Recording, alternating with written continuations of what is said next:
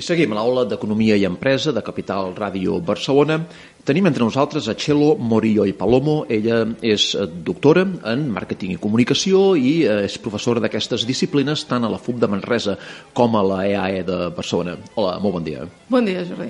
I la tesi doctoral de Txelo va sobre Barcelona i com s'ha convertit en una marca. És, és així? Sí, és tal qual. Va ser bueno, un un interès que tenia per conèixer com la ciutat de Barcelona s'havia convertit en marca ciutat i com s'havia posicionat entre les primeres grans ciutats del món.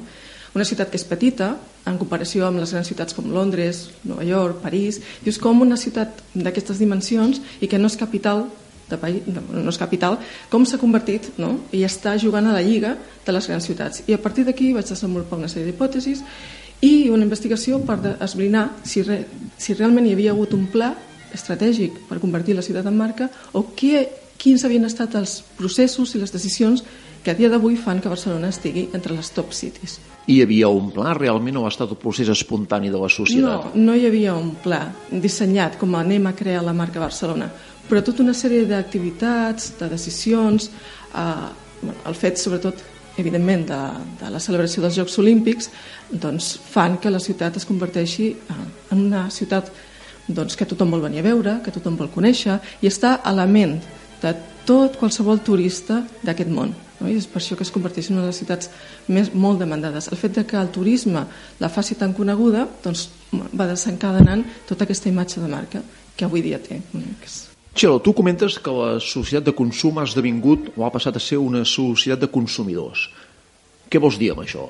Per, per entendre com la societat de, de, de consum de masses ha, ha esdevingut una societat de consumidors, hauríem d'anar una mica enrere i analitzar com ha estat aquest procés històric de crear una societat de consum. Llavors, eh, podem dir no, que a finals del segle XIX, principis del segle XX, és quan eh, comença eh, la idea de consum comercial que tenim avui, eh, quan comença el, el consum com una part important de les nostres vides, Uh, i un consum que genera una identitat, una identitat personal, una identitat de societat.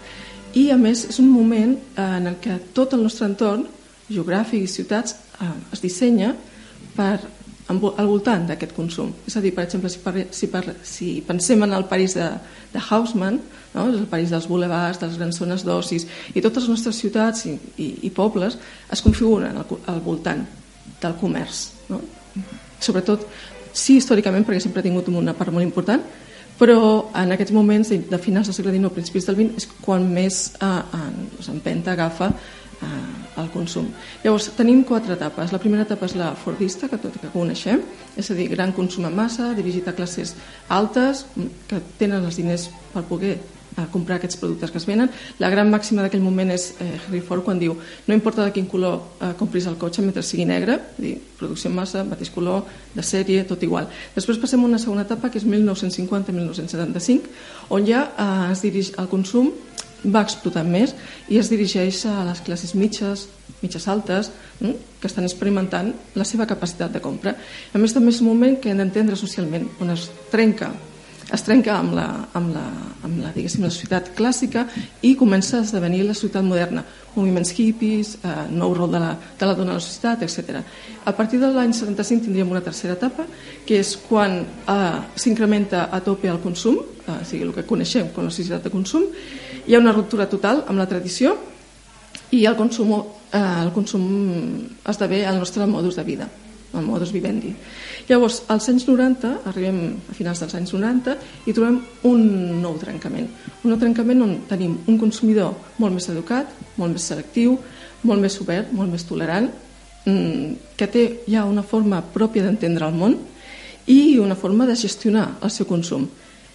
I la gran diferència amb les etapes anteriors és que el consum no és l'apropiació de l'objecte, sinó del significat que aquell objecte genera en el consumidor. Per tant, passem d'una societat de consum de productes a una societat de consum simbòlic, d'allò que el producte ens està generant. Per tant, per això diem, la societat de, de consum de masses eh, la trenquem i és el, el consumidor qui té el rol més important hm? i dintre d'aquest eh, entramat. Amb aquestes quatre etapes que ens has explicat, amb aquest viatge amb el temps, des de inicis del segle XX, amb el Fordisme fins a l'actualitat, hi ha un canvi en el sentit de que primer en el Fordisme podem considerar que hi havia doncs, més demanda que oferta, més, més possible i potencial consum de cotxes que no pas oferta hi havia en el mercat i quan Henry Ford, un empresari genial, és capaç doncs, de posar un cotxe amb, amb uns costos molt baixos, amb un preu molt assequible, doncs realment no pot vestir la demanda. I certament doncs, el negre negre és el color que, que, que més ràpid eh, permetia secar no? la pintura del cotxe i per tant eh, eh, era negre. Clar, la, la qüestió ha canviat i ara doncs, ja quasi estem saturats, hi ha més oferta que demanda. Abans hi havia més demanda que oferta, ara sembla que hi ha més oferta que demanda. Amb, amb aquest nou escenari, amb aquest paradigma actual, com han de gestionar la comunicació dels seus productes i de les seves marques, les empreses? El primer que s'ha de fer és entendre aquest consumidor nou que tenim s'ha de partir d'una anàlisi de quin és el teu consumidor, de quin és el teu públic objectiu.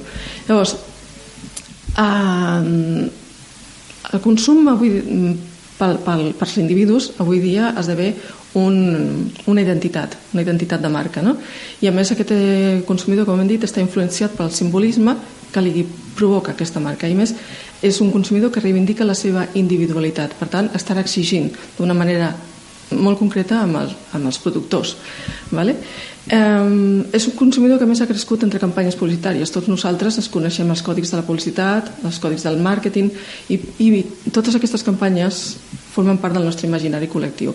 A més, les empreses han de tenir molt en compte que el consumidor és molt actiu, és hiperactiu, perquè les xarxes socials han vingut aquí per quedar-se i les xarxes socials provoquen que tu com a consumidor puguis expressar el que aquella empresa eh, t'està oferint o com tu eh, gestiones la teva experiència de compra. Llavors, mm, per tant, eh, per les empreses hem d'entendre que la relació de forces s'ha invertit i que és, ja no és producte venedor, eh, sinó que aquesta relació de forces ha passat a ser client-consumidor. Amb un, un consumidor que es considera gestor, gestor del seu propi temps, a més um, individualitzat, eh, que pren les seves decisions de compra i que vol crear el seu propi estil de vida en funció d'aquells productes que consumeix. Per tant, el primer que ha de fer una empresa és una atenta escolta de com és el seu consumidor per poder eh, oferir-li allò que li està demanant. I aquesta escolta eh, ve des de qualsevol tipus d'interacció que pugui generar amb ell i sobretot avui dia el gran paper que juguen les xarxes, les xarxes socials.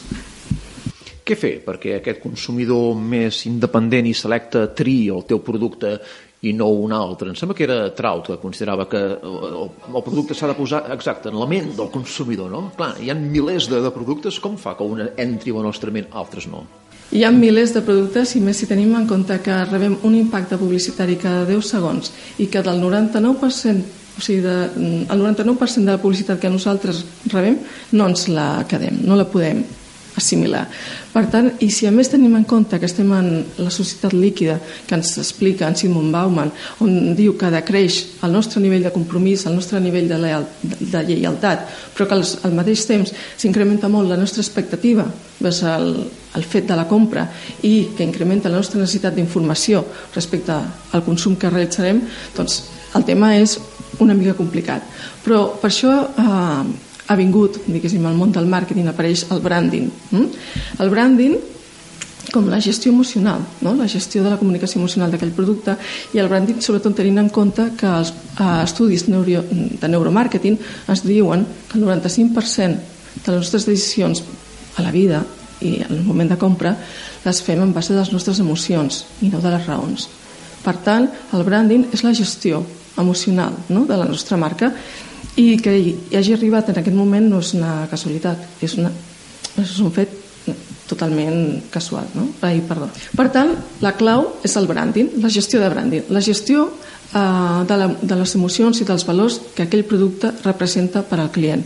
És a dir, eh, aconseguir un posicionament determinant, determinat element del client, que és el que comentaves abans, d'en Jack Trout. Eh, quan tu tens un posicionament únic i preferent a la ment del consumidor tens molt guanyat però per arribar aquí necessites treballar molt tota la comunicació de la teva empresa mhm. -huh. Llavors, quines són les pràctiques que faran que el meu producte o servei es diferenciï al mercat del meu competidor, que és pràcticament igual en disseny, en preu, en prestacions? Doncs eh, partim del posicionament que hem dit abans, agafar aquest, eh, aquesta idea tan clara en la ment del consumidor i això ja és molt guanyat. I aleshores passarem a gestionar la marca la marca a través del branding amb, amb valors, amb escolta de, de, que els, de que els consumidors estan dient. Per tant, haurem d'anar a, a fer una estratègia de, de, de branding on nosaltres eh, aportem al nostre producte o servei una sèrie de valors, de significats, significats que importin en el client i sobretot que li passin pel cor. Si no passa pel cor, no existirà la marca. I existirà el producte, però no la marca. I que hi hagi una experiència positiva del client en el moment de consum, el moment de la compra. I això em recorda que recentment hem fet un, un, sempre en els meus alumnes de, de comunicació internacional, quan fem les classes de branding, els demano que un cop vist el temari, demano que puguin definir a través de l'elaboració d'un vídeo què és brandy per ells. Llavors va haver-hi un grup eh, que va dir màrqueting és el que som, per tant, el màrqueting és el que fem, branding és el que som, perquè el branding són els valors, la cultura, eh, la idiosincràsia d'aquella empresa, no? allò que et transmets. Per tant, és molt important la gestió de branding. Un cop tenim molt clara aquesta estratègia de branding de la nostra marca cap al nostre consumidor, hem de fer un pla de comunicació i en aquest pla de comunicació hem de tenir molt clar quins són els nostres objectius, què volem aconseguir amb el nostre, amb el nostre producte, amb el nostre servei mm, vers al consumidor, definir molt clar qui és el nostre target, perquè les empreses no es dirigeixen a tothom, sinó a algunes parcel·les o, o els registres no? de la societat que, que són els nostres consumidors potencials. Un cop tenim molt clar els objectius i el nostre públic objectiu, doncs hem d'escriure el missatge Recordem que rebem un, un impacte cada 10 segons i que ens quedem amb molt poqueta informació publicitària de la que ens arriba. Per tant, el missatge s'ha de cuidar molt. Has de tenir-ho molt clar, que és jo, exactament què li vols dir al teu, al teu públic objectiu. I finalment també has de definir quins són els teus canals de comunicació, perquè no tots són apropiats. Depenent de quins, com sigui el teu target, faràs servir un canal de comunicació que pot ser la premsa, pots fer servir les xarxes socials, i avui dia tens un, una sèrie de mitjans inabarcables perquè tens eh, premsa, televisió, eh, revistes, la teva propi, els teus propis mitjans, la teva pàgina web, el blog, les xarxes socials, eh, apareixen d'altres xarxes socials. Per tant, eh, has de definir molt bé tot això per arribar a ser diferent, que et percebi el teu consumidor de forma diferent amb el, amb el teu competidor, que puguis aportar-li valor, significat, emoció, una experiència positiva de compra i que el teu consumidor pugui valorar tot això en diferència de, de, de la teva competència. Estem parlant amb Txelo Morillo i Palomo, experta i professora en temes de màrqueting i de comunicació corporativa. Ens destaques la importància que té el màrqueting, el branding d'una empresa, però tot això em remet una mica en part a façana. Clar, si aquesta façana és bonica, doncs molt bé. Si aquesta façana bonica ens transmet alguna emoció, doncs millor encara. I si ens, se'ns posiciona en el servei, doncs mm, perfecte. La meva pregunta és, un, un, un producte pot triomfar si només té màrqueting, si només té imatge, si només té façana no. i no té contingut a, no. a darrere? O sigui, el branding sempre s'ha de construir sobre un producte o un servei sòlid. No, tu no pots, o sigui, si no estaries mort. O sigui, per tu construir tota aquesta imatge, tot el, el, el, valor de l'empresa, el valor del producte, allò que li aportes, aquella experiència positiva, ha de ser real. Si no és real, bueno, el teu producte doncs és un fake. Aleshores, doncs, eh, no pot haver-hi un branding d'èxit si tu no tens un producte suficientment sòlid que mm, pugui recolzar tot allò que tu dius. Mm, I a més hem de tenir en compte que vivim en un món on el consumidor eh, vetllarà molt per aquestes coses. És un consumidor, com hem dit abans, molt educat, molt sofisticat, vol saber si tu et comportes bé, si tu el que dius ho fas bé, perquè si no et castiga, si mm -hmm. et penalitzarà. Per tant, branding sí, sempre sobre, eh, construït um, sobre un producte o un servei que realment eh, val la pena eh, que sigui real.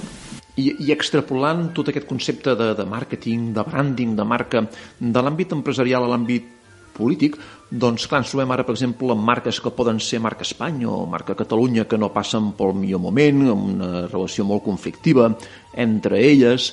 Mm, tu què proposaries per tal d'amorosir, per tal de mm, superar una mica aquest conflicte obert? A veure, el tema del branding de territoris o marca ciutat, marca país, uh, és sempre molt més complex que no pas uh, la gestió de branding que pot tenir una empresa amb el seu producte. Perquè um, el branding de ciutat o de país um, juguen molts, uh, hi ha molts més interlocutors hi ha molt més, uh, moltes més audiències. Uh, tu tens els visitants tens els governs els diferents grups polítics la societat en si la societat um, empresarial els, els estudiants que volen venir a una ciutat o una altra mm, és un tema realment més complicat de dir què hem de fer per oferir una imatge més positiva vale. eh, normalment aquests temes es treballen amb, amb, amb equips ja siguin públics o privats eh, polítics i no, i no polítics on eh, es plantegen estratègies de, de, de treball així. I no pot sortir no només d'un govern, sinó de la societat en general. Ha d'haver-hi un, doncs això, un grup de treball que impliqui tots aquests sectors que, que acabo de, de citar i a partir d'aquí construeixen un pla de treball per la imatge de marca d'un país, d'una ciutat o d'un territori. Estem parlant amb Chelo Morillo i Palomo, expert en temes de comunicació i de branding. Hi ha una altra qüestió rellevant que volguessis afegir? Sobre el tema... Bueno, avui dia jo em concentraria a dir que el més important és estudiar com és el teu consumidor. Un cop tinguis molt clar com és ell, quin tipus de... què és el que espera de tu, mm, doncs és quan pots començar a treballar un pla de comunicació. No totes les empreses tenen equips de comunicació o persones que es dediquen a gestionar la comunicació de l'empresa. Perquè una cosa és el màrqueting, vale? quan col·loques un producte al mercat i llavors has d'estudiar diferent doncs, el seu preu, la seva comunicació, la seva distribució, etc. Però en el, en el món de la comunicació en concret, doncs, eh, normalment eh, això, les empreses no, no, no tenen professionals que es dediquin plenament només a comunicació. Però és una branca molt important tenint en compte com les xarxes socials i els diferents mitjans fan soroll no? al mercat i per tant és necessari saber qui ets, què vols, on vols anar i com vols comunicar sobre tu perquè allò que tu no diguis de tu ho dirà un altre. Per tant, el consell seria controla tu la comunicació que vols emetre a la societat i quin missatge vols a donar als teus clients, perquè si no ho fas, ho farà un altre per tu. Doncs agraïm les paraules de Chelo Morillo sobre comunicació empresarial i branding. Gràcies, Chelo, i a reveure. Gràcies.